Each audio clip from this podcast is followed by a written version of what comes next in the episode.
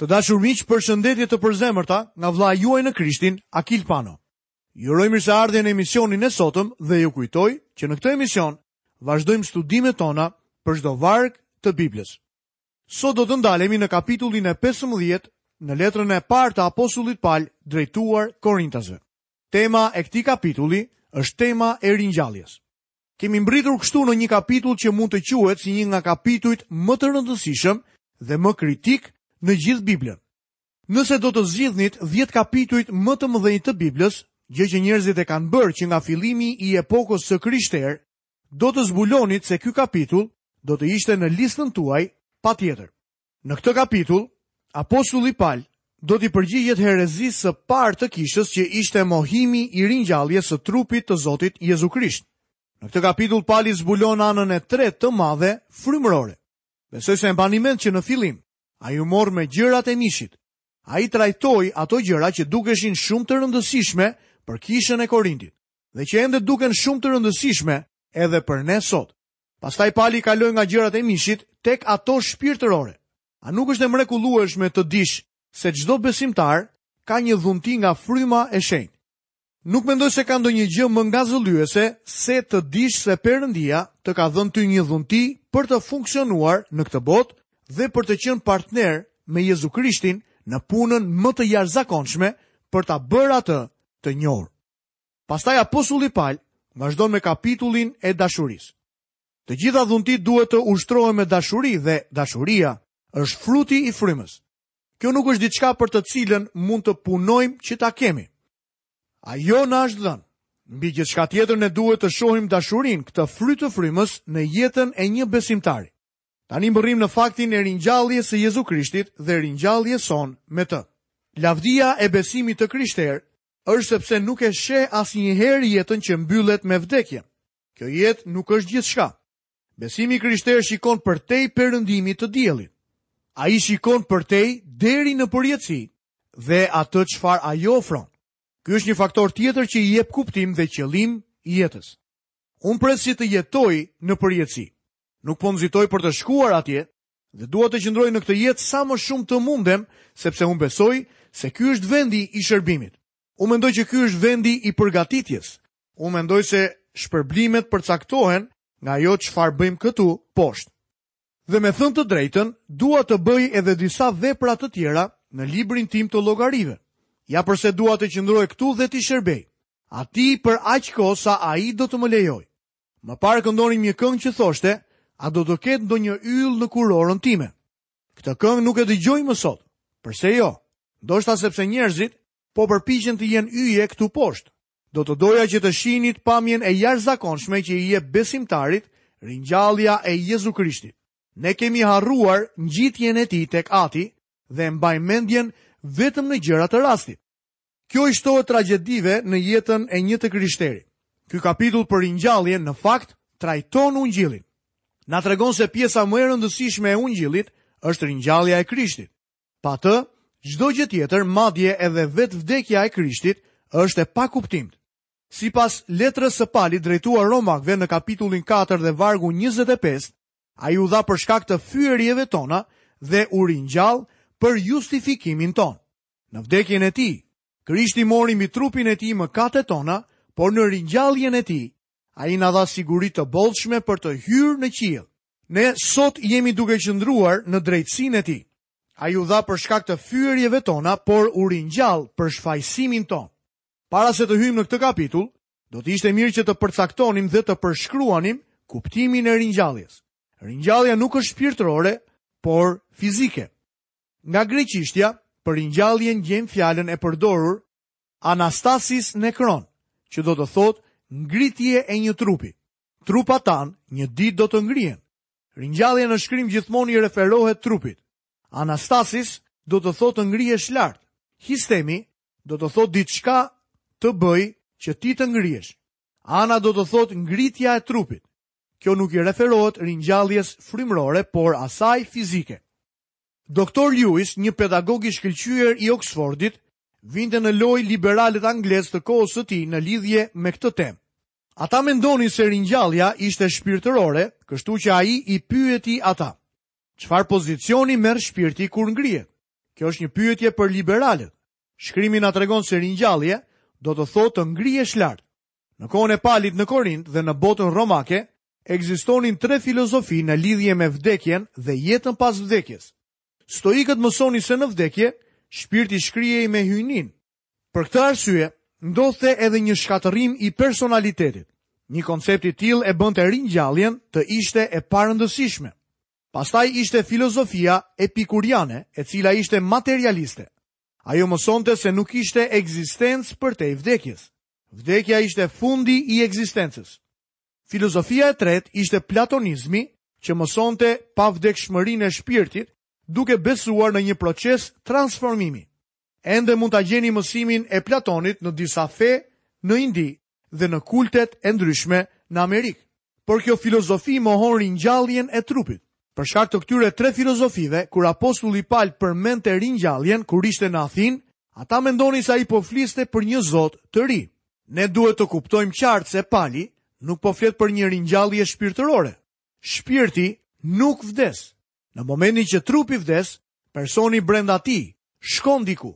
Nëse ai person është fëmijë i Perëndisë, në momentin që largohet nga trupi, Ai shkon në prezencën e Perëndisë.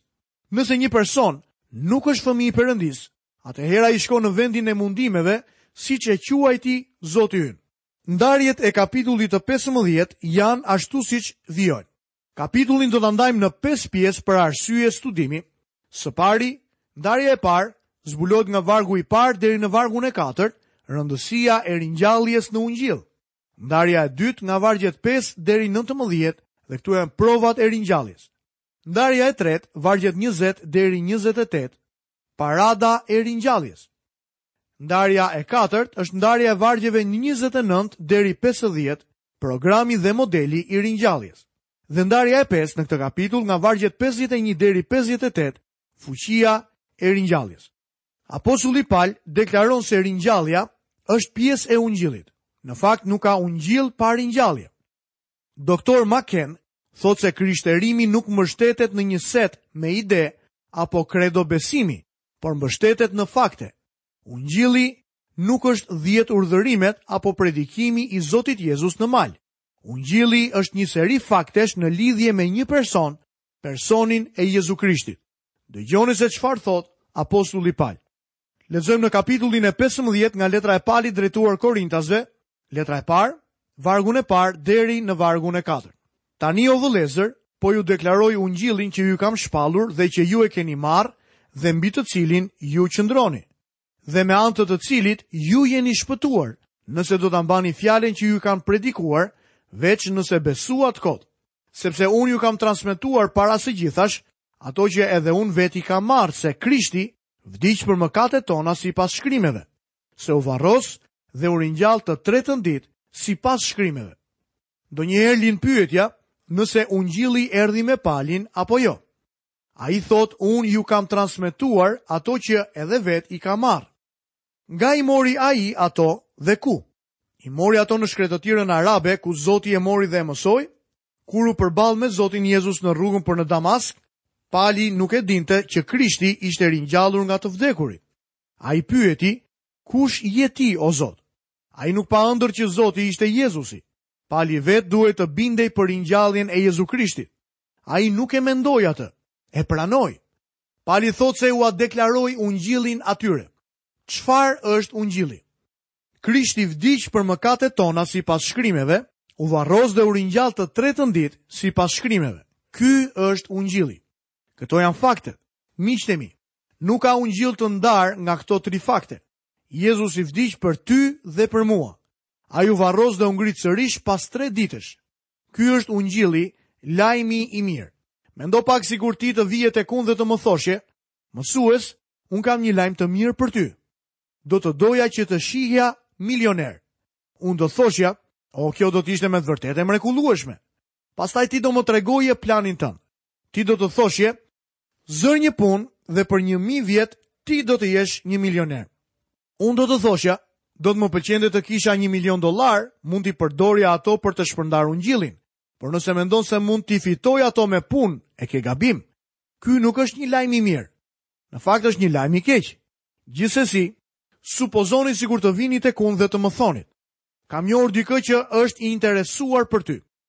Në fakt ai të donte ty kaq shumë sa që kur vdiq ai të la 1 milion dollar. Ky po që do të ishte një lajm i mirë. Ungjilli nuk thotë diçka që ne duhet ta bëjmë patjetër. Ungjilli na tregon se çfarë ka bërë Jezu Krishti tashmë për ne. Sipas Shkrimit, ai vdiq për mëkatet tona. Ai u varros dhe ai u ringjall ditën e tretë. Ai vdiq dhe ky është një fakt historik. Shumë pak njerëz do ta mohojnë këtë.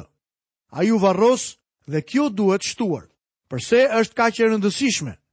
Kjo vërteton që Krishti nuk u zhduk. Kjo do të thotë që ata faktikisht e kishin trupin e tij. Nikodemi, dhe Jozefi nga Arimatea dhe të tjerët që e panë të kryqëzohej, e dinin fare mirë se kush ishte ai. Ata e dinin që ai ishte Jezusi. Ata e varrosën me duart e tyre. Kjo është shumë e rëndësishme. Kjo konfirmon vdekjen e tij. Sipas shkrimit, Krishti u ringjall në ditën e tretë. Ringjallja është pjesë e ungjillit. Varri ishte bosh. Kjo është prova. Ungjilli është se Jezusi vdiq, u varros dhe u ringjall. Kjo është prova e parë. Ekziston edhe një provë tjetër e ringjalljes dhe kjo ishte përvoja e Korintasve. Le të dëgjojmë edhe një herë. Tani o vëllezër, po ju deklaroj ungjillin që ju kam shpallur dhe që ju e keni marrë dhe mbi të cilin ju qëndroni dhe me anë të të cilit ju jeni shpëtuar nëse do ta mbani fjalën që ju kanë predikuar veçse nëse besuat kot. Veç nëse besuat kot, është një besim bosh. Ekziston një besim bosh. Por ai thotë me anë të të cilit ju jeni shpëtuar. Kisha është prova e ringjalljes. Në Jeruzalem apo në rrethinat e tij ishin 11 burra të dekurajuar, Ata ishin gati të shkonin për të peshkuar. Ata kishin kaluar përmes mjaft telasheve. Nëse Jezu Krishti kishte vdekur, ata nuk kishin pse ta nxirrnin trupin nga varri. Ata donin që ai të qëndronte atje. Ata nuk kishin pse shkonin të thyenin vullën romake dhe të përballeshin me rojet romake për të vjedhur trupin, gjë që do t'u sillte atyre telashe të tjera. Atëherë çfarë ndodhi? Tek ata erdhën fjalë që Jezusi ishte ringjallur nga të vdekurit. Ky fakt i transformoi këta njerëz. Ky fakt revolucionar solli Kishën në ekzistencë.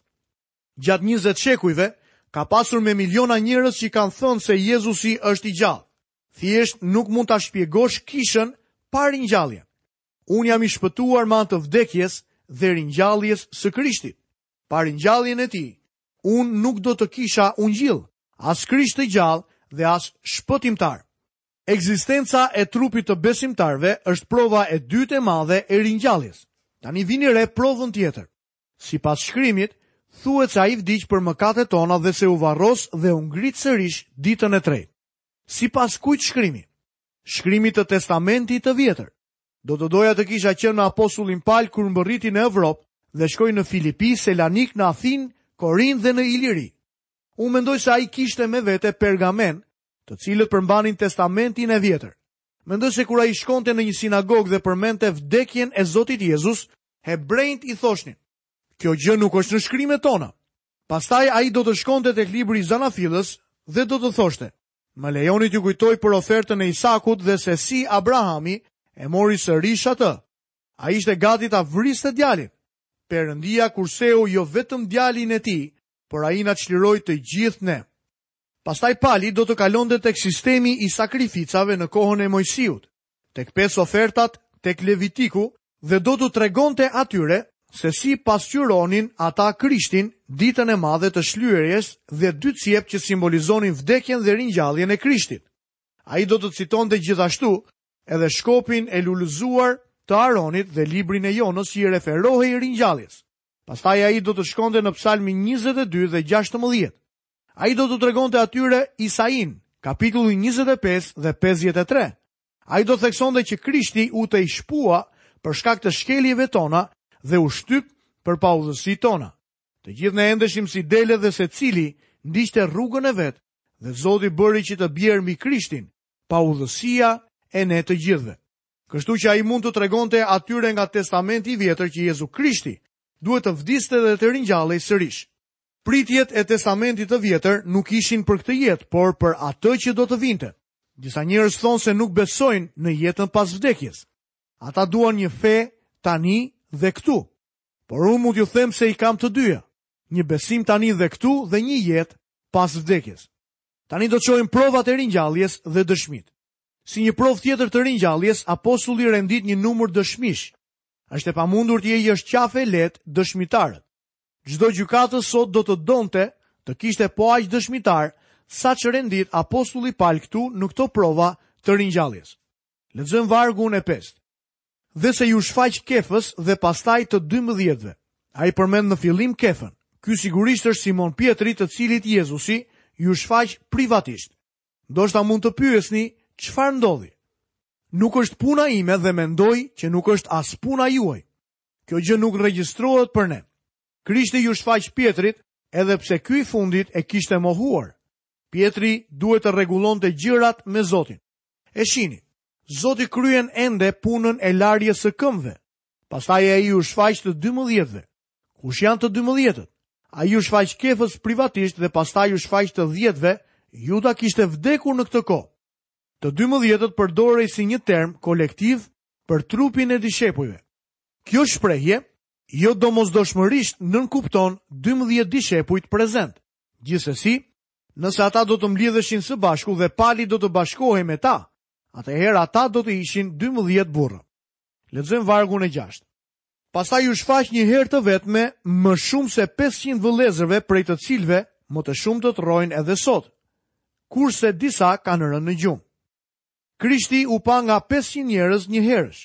Mendoj se kjo duhet të ketë ndodhur përtej detit të Galilesë. Kini parasysh se ai u tha atyre se do t'i takonte në Galile. Kështu që besoj se ndjekësit e tij të vërtetë shkuan në Galile për t'u takuar me të. Ndërkohë që udhëtonin drejt veriut, jam i sigurt që shumë njerëz i pyesnin, "Tani që vdiq Jezusi, mos vallë po ktheheni për të peshkuar?" Ata do t'i përgjigjeshin, "Jo." Krishti është ringjallur dhe ne po shkojmë të takohemi me të. 500 ndjekës të Jezusit u takuan atje me të. Lexojmë vargjet shtatë dhe tetë. Më pas iu shfaq Jakobit dhe pastaj të gjithë apostujve dhe më së fundi m'u shfaq edhe mua si në dështimin. Ai iu shfaq Jakobit, kjo me siguri do të ketë qenë një intervistë private. Ai iu shfaq edhe një herë apostujve. Më së fundmi iu shfaq edhe Palit. Miku im, është shumë e vështirë të diskutosh me një njeri që e ka parë Krishtin. Lexojmë vargun e 9 dhe të 10. sepse unë jam më i vogli i apostujve, dhe as nuk jam i denjë të quhem apostull sepse e kam përndjekur kishën e Perëndisë. Por me hirin e Perëndisë, jam ai që jam, dhe hiri i tij ndaj meje nuk qe i kot.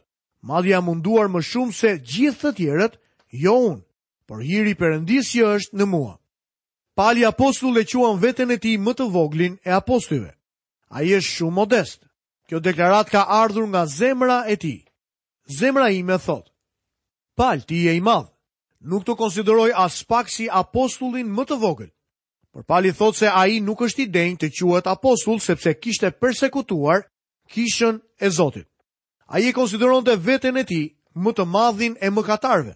Por megjithatë, ai ishte punëtori më i madh nga të gjithë apostujt. Por shumë sinqerisht, ai na thotë se hiri i Zotit e ka aftësuar për të përmbushur atë çfarë ka bërë.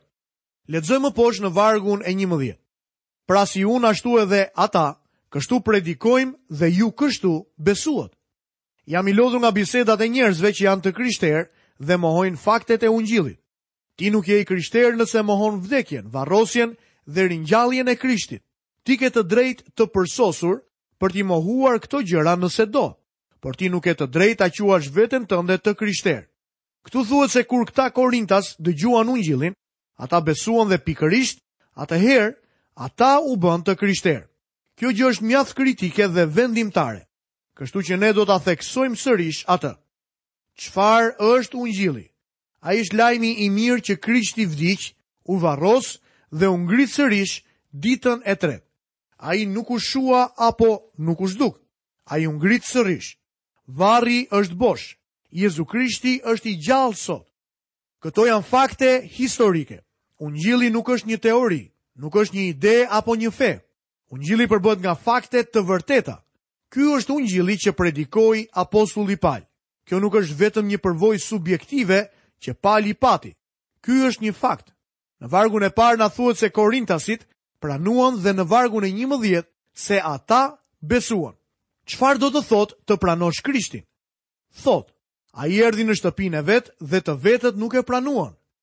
Por të gjithë atyre që e pranuan, ai u dha pushtetin të bëhen bij të Perëndisë.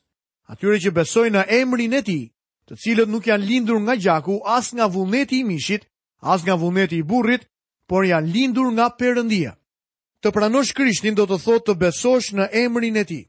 Vargu i parë thotë se ata e kanë marrë ungjillin dhe qëndrojnë mbi të. Kjo ishte gjendja e tyre aktuale. Ata qëndruan në besim të gjallë në një marrëdhënie me Zotin e gjallë Jezu Krisht. Ku qëndroni ju sot? Vargu i dytë thotë, me anë të të cilit ju u shpëtuat. Ungjilli nuk të shpëton vetëm nëse ke njohuri në mendje. Ungjilli nuk është një pranim i rastësishëm i fakteve. Shpëtimin e bën vetëm personi për të cilin flet Ungjilli, Krishti. Ai është i vetmi që të shpëton. Kur pranon faktet e ungjillit, kur vendos besimin tënd plotësisht te Krishti, atëherë ti je i shpëtuar. Spurgeon ka thënë, nuk është gëzimi yt në Krishtin që të shpëton. Nuk është shpresa jote në Krishtin që të shpëton. Është vetëm Zoti Jezu Krisht. Madje nuk është as besimi në të dhe edhe pse ai mund të jetë një instrument. Është merita dhe gjaku i Krishtit që të shpëton. Ungjilli u predikua te Korintasit. Apostulli Pal tha, ju e morët, qëndruat në të dhe u shpëtuat.